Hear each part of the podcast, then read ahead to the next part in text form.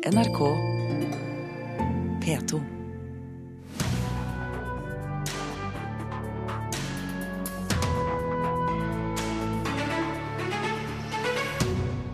Sony Pictures trekker altså filmen The Interview fra markedet. Økonomi som regel viktigere enn ytringsfrihet i Hollywood, mener redaktøren av filmmagasinet Rushprint. Leserne av nyheter på nett lures til å tro at reklame er redaksjonelt innhold, mener forkjemperne for den rene journalistikken. Reklame som ligner på journalistikk er et av temaene i pressens faglige utvalg i dag. Og nynorskkritiske lokalpolitikere øyner nytt håp om å prøve ut valgfritt sidemål i skolen, en får neppe ja til tross for regjeringsskiftet. Aldersgrense 15 år sier litt om voldsnivået i den nye filmen om Moses, mener vår anmelder. Kulturnytt får du i dag med Birger Kolsrud Jåsund i studio. Sony Pictures eh, har altså, som du har hørt på Dagsnytt i dag, gitt etter for press fra det amerikanske sikkerhetseksperter mener er en nordkoreansk hackergruppe, og trekker filmen The Interview. Selskapet har mottatt advarsler om at publikum som oppsøker kinoene kan bli utsatt for terrorangrep. Nord-Korea mener filmen er en krigshandling. Mm? Take him out. For coffee? Dinner? For kimchi? No, uh, take him out. You want us to kill the leader of North Korea? Yes. Filmen The Interview handler om et drapsforsøk på den nordkoreanske lederen Kim Jong-un. Det er en film Nord-Korea har klaget mye på, bl.a. til FNs generalsekretær. Filmen støtter terrorisme og er sårende for den store lederen, sies det i klagene. Sony har tidligere blitt utsatt for et stort dataangrep fra anonyme hackere, og har mottatt en rekke advarsler fra hackergruppen. Nord-Korea nekter for at de står bak angrepet, men har sagt at angrepet var bra, og at det Sony gjør, er en krigshandling. Amerikanske sikkerhetseksperter har tidligere sagt at alle spor peker mot Nord-Korea. Nå sier kilder i den amerikanske forvaltningen at de er sikre på at Nord-Korea står bak dataangrepet. Det er ventet at president Obama vil bekrefte dette senere i dag. Tirsdag denne uken økte intensiteten i striden. Hackergruppen advarte publikum om å holde seg vekk fra premierekinoene senere denne måneden og minnet om terrorangrepene i 2001. Dette er helt nytt, sier redaktør i The Hollywood Reporter, Erik Gardner. Vi snakker om et angrep som kan komme fra en stat. Dette er en meget vanskelig situasjon for Sony. Uh, forcing its hand uh, on a movie that is really just a comedy. Gentlemen, you are entering into the most dangerous country on earth. Først stoppet Sony premieren, som var planlagt til den 25. desember. Nå har de stoppet hele filmlanseringen. You know, greatest um, accidental or intentional publicity stunt that uh, Kanskje folk kunne se dette som et spektakulært markedsføringsopplegg fra Sony, sier journalist Rebecca Sønn i The Hollywood Reporter. Men når publikum til slutt ble truet, så er dette ikke lenger en spøk.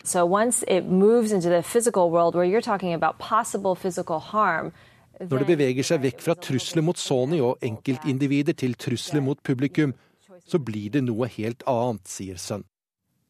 Og det sa vår reporter Halvard Sandberg. Redaktør i filmtidsskriftet Rushprint, Kjetil Lismoen. Er det overraskende at Sony Pictures eh, velger å trekke denne filmen? Nei, det er det jo ikke, og man kan jo godt forstå det. Altså, Når det kommer til den type trusler, så, så blir det veldig vanskelig. Eh, så på kort sikt så, så, var nok dette kanskje den eneste løsningen. Spørsmålet er hva de gjør på lengre sikt. fordi det er klart at denne beslutningen skaper jo store, kraftige reaksjoner, og har skapt kraftige reaksjoner i Hollywood blant filmskaperne osv. Og også blant folk som er opptatt av ytringsfriheten. Hva slags reaksjoner snakker vi om da? Nei, altså det, det, det setter jo en standard, eh, altså et eksempel som er veldig farlig. Altså, altså, hvis de kan stoppe en film på den måten, så kan jo veldig mange andre gjøre det også. Uh, og Det er jo selvfølgelig det også Hollywood-studioene tenker på. altså Hva betyr det for hva skal vi si, forretningsmodellen deres videre, når, når hvem som helst nærmest kan kan true lanseringen av en film, og, og, og i fall noe som fører til at de, de, må stoppe den. Men det er vel ikke uvanlig at Hollywood tenker økonomi fremfor ytringsfrihet heller? Nei, det er klart. Eh, det er jo det de primært tenker på. Eh, men her er det mange hensyn å ta, og jeg, jeg tror ingen vet helt utgangen på det her.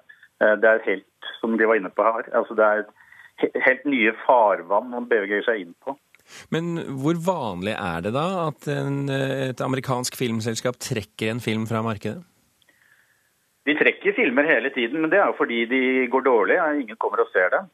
Det at de på en måte trekker dem før de i det hele tatt har kommet på kino, er jo veldig uvanlig. Og, og opp gjennom historien så har det jo skjedd ofte av politiske årsaker. Altså Chaplins 'Diktatoren' ble jo ikke vist i enkelte land når den kom uh, i 1940. Uh, uh, Martin Scorseses 'Jesus siste fristelse' fikk store problemer på kinoene i USA pga.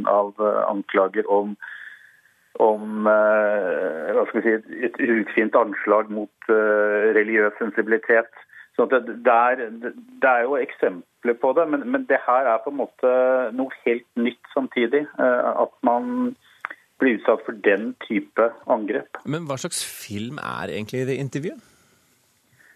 Nå er det jo ingen her som har sett den, men den, den lanseres jo som en actionkomedie med, med, satiriske innslag.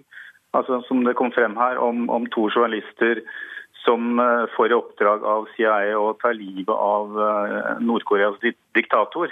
Eh, noe som jeg for så vidt kan forstå at nordkoreanerne reagerer på. Altså. men, men, samtidig, dette er jo eh, innlysende, hvis man ser på det reklamematerialet som filmselskapet har sendt ut. En veldig tøysete film, for å si det sånn. Mm. Ja, eh, så er spørsmålet hvem som står bak dette. Eh, nå er det tydelig at eh, amerikanske eh, etterretningstjenesten mener at dette er ganske sikkert at det er nordkoreanerne. Men, men, det blir bare spekulasjoner. sannsynligvis er det vel kanskje det. Tror du at denne filmen kommer på kino på et eller annet tidspunkt? Det tror jeg. men jeg tror kanskje mest sannsynlig at den blir vist på en eller annen strømmetjeneste eh, om ikke lenge. Mm. Fordi det er klart, eh, Nå spøkte vel denne reporteren fra Hollywood Reporter om det, at dette var, kunne være et genialt markedsføringsstunt. Men det er klart at eh, det klokeste, både kanskje økonomisk og politisk og ytringsfrihetsmessig, som vi burde gjøre nå, er jo rett og slett å, å vise den på en strømmetjeneste, sånn at alle får sett den, fordi det er blitt en utrolig viktig film. Det kan bli en, vise seg å være en skjellsettende film. Vi får se uansett. Kjetil Ismoen, takk for at du var med i Kulturnytt.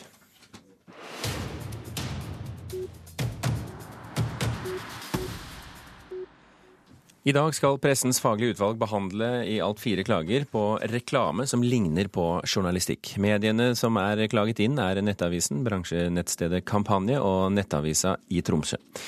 Tre av klagene kommer fra frilansjournalist og redaktør av medier24.com, Gard Michaelsen. Han mener leserne lures til å tro at reklame er redaksjonelt innhold som den her. Det står 'linsene du må ha til halloween'. Det er et vanlig bilde, det er en vanlig tittel og fonten er så å si lik vanlige saker. Eh, du vil lurt å tro at det er eh, journalistikk, trykker på den og kommer inn til noe som også ser ut som å være journalistikk, men er betalt innhold. Det er altså ikke en uavhengig journalist som har skrevet saken, men noen andre som prøver å selge deg noe. På Nettavisen er disse sakene bl.a. markert med et handlevognikon for å vise at det er markedsføring. Problemet her er at det her er til viss grad merka, men i sitt form og utseende og innhold ser det ut som journalistikk. Og selv om den enkelte leser der og da ikke reagerer på det, så over tid så risikerer vi at vi ødelegger troverdigheten til, eh, til godt tradisjonelt innhold. Debatten om betalt innhold har tilspisset seg i norsk presse den siste tiden.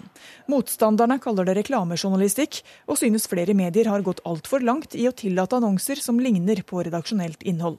I pressens etiske retningslinjer Vær varsom-plakaten heter det Avvis alle forsøk på å bryte ned det klåre skiljet mellom reklame og redaksjonelt innhold. Avvis også reklame som tar sikte på å etterlikne eller utnytte et redaksjonelt produkt. På dette punktet bør bl.a. Nettavisen felles av pressens faglige utvalg, mener Michaelsen. Det jeg mener at de bør sende et klart signal til Nettavisen, Kampanje og en del andre som tester det her nå, om at det holder ikke å merke det. Altså Hvis det er for likt et redaksjonelt produkt, så skal man heller ikke trykke det. Da må man endre utseendet på reklamen, både på selve annonsen og på presentasjonen på forsida. Ja, det sa journalist Gard Michaelsen. Reporter her, det var Une Marvik Hagen. Gunnar Stavrum, redaktør i eh, Nettavisen. Dere blander sammen reklame og journalistikk, mener Michaelsen. Hva er ditt svar på det? Mitt svar er at det er feil. Uh og Det Micaelsen misforstår, det er uh, bruken av virkemidler. Altså, Det er ikke noe feil i at reklame også bruker titler, gode tekster og gode bilder. De uh, har jo et kommersielt budskap å selge. Uh, og Det har på en måte også vært prinsippet når PFU har vurdert denne saker tidligere. Det er ikke noe forbud mot å bruke virkemidlene. Det det handler om er liksom hvor tydelig skal det merkes for seerne. Men utelukker du at, eh, at de som reklamerer for et produkt, velger journalistikkens utseende for å skaffe seg troverdighet?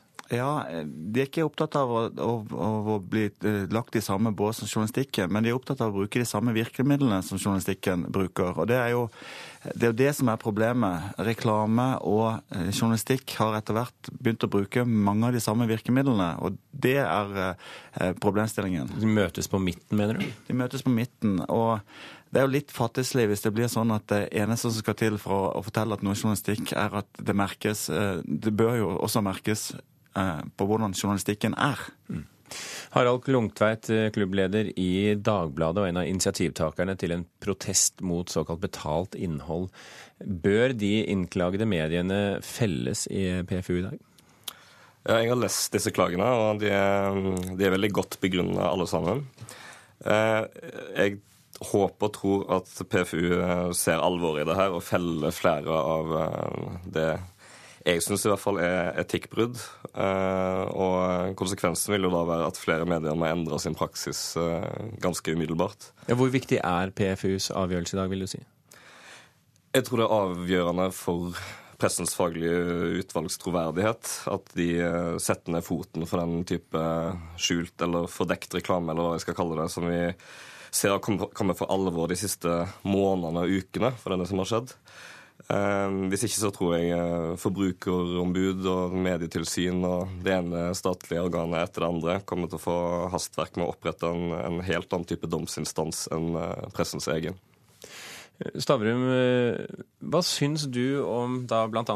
Klungtveits kampanje mot denne type markedsføring, som, som da er med på å gjøre din avis levedyktig? Jeg eh, er ikke prinsipielt uenig med Klungtveit i at det er viktig å ha et skille mellom hva som er fri journalistikk og hva som er betalt reklame. Eh, det handler om organisering, det handler om hvordan det presenteres. Eh, så prinsipielt er jeg ikke uenig med, med Klungtveit. Jeg er også for at bransjen må gå gjennom dette nøye. Ikke bare denne type annonsering på nettaviser, men produktreklame i fjernsyn f.eks., eller eh, også såkalte advertorials i ukebladene. Dette er jo ting som har, har pågått i tiår. Hva er det for noe? Det er eh, hva skal jeg kalle det for noe, kommersielle budskap i grenselandet mellom redaksjonelt innhold og annonseinnhold, som også er merka. Altså, poenget mitt er at dette er en stor trend, eh, men eh, det som akkurat vi snakker om nå, er bare en bitte liten del av den trenden. Men frykter du felles i dag? Altså, Jeg frykter jo ikke felles. Jeg mener at vårt tilsvar er bra i saken. Men det er klart vi, vi følger pressens etiske regler og prøver å følge de så lojalt som mulig. Så skulle PFU komme til at det vi har gjort er eh, over streken i en gråsone, så får vi jo tilpasse oss til, til den kjennelsen som da eventuelt kommer. Klungtveit, eh, norske aviser eh, og din egen avis inkludert, Dagbladet, er jo desperate etter å finne nye økonomiske bein å, å stå på rett og slett for å overleve som produkt. Eh, hvorfor eh, ikke la journalistikken også få en eh, viss andel betalt innhold? Altså På de som forsvarer det her, eller opportunistene i den krisetiden vi er inne i, altså på de så kan det høres ut som at det å kutter opp troverdigheten til pressen i biter og selger den til stykkprisen har sagt, er det eneste salige når det er økonomiske nedgangstider. Men det er vel med respekt å melde ikke det de vil? Ja, men det kan bli resultatet. Eh, og altså et, et krystallklart skille mellom reklame og redaksjonelt innhold, det syns jeg er liksom det aller, aller minste publikum eh, kan forvente av oss. Lar, lar, lar det seg gjøre, Stavrum, et krystallklart skille mellom uh, annonser og journalistikk? Nei, jeg mener at ikke det lar seg, skille, lar seg gjennomføre. Også fordi at veldig store nye medier, uh, Google, Facebook, uh, Twitter for den saks skyld, har en blanding hele tiden av kommersielt innhold og redaksjonelt innhold. Så den demningen, hvis den noen gang har vært, så er den så lenge siden at den er helt umulig å gjeninnføre. Men det sier ikke at vi skal eh, ikke gjøre så godt vi kan. Nei. Vi får uansett se hvordan dette vikler seg ut i dag. Det er altså eh, til behandling i PFU, Pressens faglige utvalg, i løpet av dagen. Eh, vi eh, i nyhetsavdelingen her i NRK kommer selvfølgelig til å lage helt komplett ubetalt journalistikk på dette utover ettermiddagen, så følg med på NRK P2 og NRK Alltid nyheter. Tusen hjertelig takk, Gunnar Stavrum og Harald Klungtveit, for at dere kom til Kulturnytt. Klokken eh, har rukket å bli 19 eh, minutter over åtte akkurat der. Du hører på Kulturnytt, og dette er toppsakene i Dagsnytt nå. Mange eksilcubanere er skeptiske til normaliseringen av forholdet mellom USA og Cuba, men et flertall av amerikanerne stiller seg positiv til tøværet mellom landene. Lav kronekurs gjør at folk ikke vil merke at grensen for momsfri netthandel går opp til 350 kroner fra nyttår. Og i januar blir mappene i Landsvik-arkivet åpnet for alle, snart 70 år etter at andre verdenskrig tok slutt. Filmen 'Exodus Gods and Kings' har premiere i morgen. Det er bibelhistorie, men filmen dyrker mammon i den forstand at det er brukt mye penger her. Den er ikke upassende akkurat, ifølge vår anmelder, men heller ikke religiøs.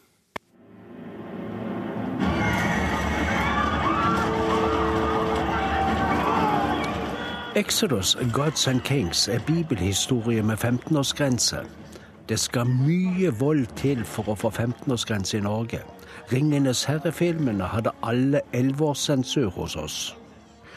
Den handler om Moses, hans uklare familiære bakgrunn, en rolle som uekte prins, en halvbror som fordriver ham Folkevandring gjennom ørkenen, hav som deler seg, og så vidt noe om steintavler som han hogger inn skrift på, for så å vende tilbake til sin vakre kone og deres sønn.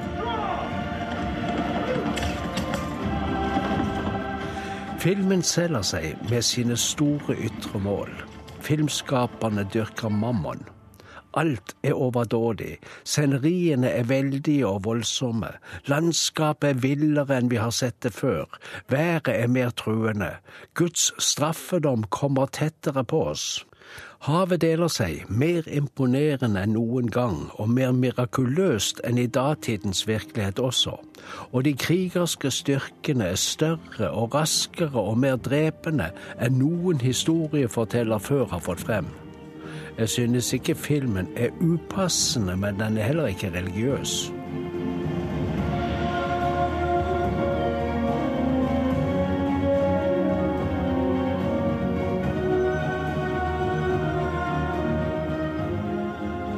Kulissene er imponerende i størrelse og utførelse. De pene kvinnene er moderne sminket. Kona til Moses har diskré øyenskygge. Mennene er konstant skitne, for de er jo i trefninger og slagsmål, må vite. Jeg observerer en ny form for gjestmildhet når blodige færafolk kommer innom.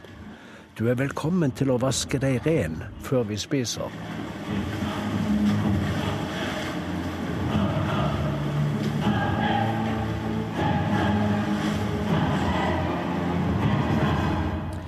Ridley Scott har regissert. Han gjør det meste i storskala. Men denne gangen synes jeg han har renonsert på kravene til skuespillerne. Han bruker Christian Bale i rollen som Moses. Han har vært Batman og The Dark Knight og gjorde sitt i American Psycho. Så har han vært russisk adelsmann på TV. Det er ikke mye salvelse ved den mannen. Han slipper ikke sjelen til. Ridley Scott er brite. Det kan ikke ses på det han gjør. Han er 77 år. Det er heller ikke synlig i arbeidene. Han har arbeidet i Hollywoods økonomiske elitedivisjon nesten hele livet. Det ser vi. Mannen er vant til å bruke penger. Exodus, Gods and Kings har eh, premiere i morgen, og det var Einar Gullvåg Staalesen du hørte her, vår eh, filmanmelder. Regjeringsskiftet har ført til at nynorskkritiske politikere øyner nytt håp om å få prøve ut valgfritt sidemål i skolen. Stavanger sender nå inn sin andre søknad, og Buskerud forsøker seg for tredje gang. Men regjeringen har ingen planer om å åpne for flere forsøk. Det var to tomater som eh, gikk over en vei. Så ble den ene eh, påkjørt. Da sa den andre 'kom igjen, ketsjup'. Tror jeg. Altså, jeg er ikke helt sikker. Jeg er ikke et geni. Sier Johan Omland i 9. klasse på Kannik skole i Stavanger. Oversetting av vits fra bokmål til nynorsk var en av oppgavene i terminprøven i sidemål, et fag han ikke er så glad i.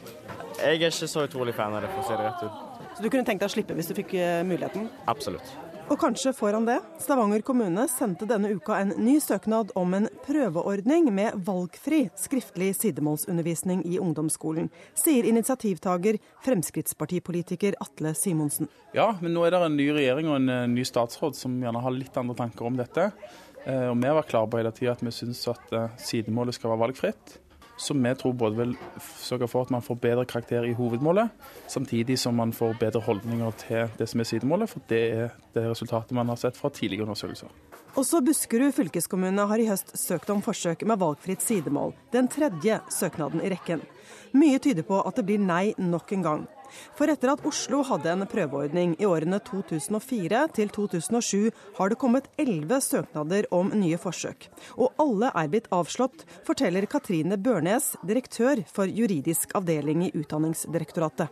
Ja, De vi har behandlet til nå, så har vi da kommet til at uh, vi ikke har sett at det har vært behov for uh, forsøk uh, på dette området, i og med at vi da allerede har hatt et forsøk. Er det noen av dere som ville valgt sidemål hvis det var frivillig? Nei. Ingen? Jeg hadde òg valgt det bort. Det sier elev Helene Middleton. Jeg syns det er litt dumt. Unødvendig. Det kan hende du kommer over en nynorsk bok eller sånn en gang? Jo, men hvis vi ikke har nynorsk, så kommer det ikke til å komme ut nynorske bøker. på en måte. Oslo-forsøket viste at standpunkt og eksamenskarakteren i hovedmål ble henholdsvis 0,1 og 0,2 karakterpoeng bedre da elevene ikke hadde sidemål. Verken leseferdighetene eller muntlige evner ble bedre. Hvis Frp er så fryktelig opptatt av kulturarv, så er det jo viktig å anerkjenne at nynorsk er en veldig viktig del av norsk språkkulturarv. Sier SV-politiker i Stavanger Eirik Fare Sakariassen, og han får svar fra FrPs Atle Simonsen. Jo, det er nettopp derfor vi mener at de skal faktisk fremdeles lære om eh, nynorsk. Eh, gjerne lese nynorsk, men de skal slippe å bli testa i hvor gode de er til å skrive nynorsk. Reporter her, det var Anette Johansen Espeland. Etter over et års forarbeid eh, kom den første episoden av eh, podkasten Serial tidligere i høst, og siden den gang har eh, journalist Sarah Koenig, drapsetterforskningen hennes, fått millioner av lyttere i mange land, og mange mener at hun her baner vei for mer satsing på podkast i fremtiden. I dag kommer siste episode. Previously on Serial. This is a Tel-Link Dette er lyden av fenomenet som har fått millioner av lyttere til å engasjere seg i en 15 år gammel drapsetterforskning. From This American Life and WBEZ Chicago, it's Serial. One story told week by week. I krimpodkasten Serial følger vi journalist Sarah Kaning mens hun etterforsker drapet på en tenåringsjente i Baltimore i 1999. I november passerte podkasten fem millioner nedlastinger. Det er ny rekord. Aldri før har så mange lastet ned en podkast på så kort tid. Og i dag kommer siste episode. Jeg er veldig spent. Eh, og vi snakka litt om i forrige episode av, av Serial-podkasten at man sånn, har jo vært spent hele tida, men òg kjenner at det begynner å bli litt på tide. Ragnhild Laukholm Sandvik er programleder i Salongen på NRK P2 og har sammen med kollegaene i programmet fulgt Serial tett. De siste månedene har de laget podkast om podkasten. For å få stagga sulten mellom, fra torsdag til torsdag, så har jo enkelte drevet og hørt på de amerikanske podkastene om denne podkasten. Det fantes ikke i Norge. Så vi klarte å få lurt inn i timeplanen og sette av en time til å halvtime time da, til å snakke om Serial ukentlig nå de siste, siste halvparten av sesongen i hvert fall. Remember how last time I ended by saying that the detectives had other leads in this case besides Mr. S, the guy who found Hayes' body? Caning tar gjennom tolv episoder for seg gammelt bevismateriale, snakker med gjerningsmannen og finner nye spor.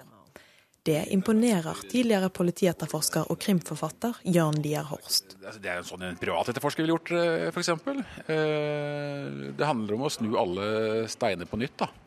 Eh, gå etter i sømmene det arbeidet som allerede er gjort. Nei, Jeg syns hun gjør en god jobb, fordi at hun er balansert. Lytter til alle parter. Men når siste episode har blitt kringkasta, så tror jeg ikke vi har blitt noe klokere, altså. Serien har blitt så populær at det allerede er planlagt en sesong to. Sandvik og Risan gleder seg til oppfølgeren, og tror Serial vil bane vei for mer podkasting, også i Norge. Altså er, Norge er et land som podkaster veldig lite foreløpig, men jeg tror sånne her hyper kan være med på å få flere til å bli oppmerksom på det. Podkastene med eksklusivt podkastinnhold, som ikke du finner andre plasser, det tror jeg bare vokser og vokser i Norge. Fordi det får bra medium til å ikke benytte seg av det. Og forfatter Lier Horst mener det er bra at noen ser politiet litt over skulderen. Ja, det er jo politiet vant til, eh, og sånn skal det også være. Men eh, så tenker jeg at det, det bør ikke akkurat gå noe folkesport i det heller, altså. Men at man har eh, seriøse aktører, sånn som pressen. At man fremdeles har noen innenfor pressen som har tid og anledning og penger til å grave. Det er veldig viktig. Og i dag slippes altså siste episode av den populære podkastserien. Reporter her, det var Ingvild Fjelltveit. Kulturnytt eh, er slutt. Marianne Myrhol, Lars Ivar Nordahl og Birger Kolsrud Jåsund takker for følget. Hør flere podkaster på nrk.no podkast.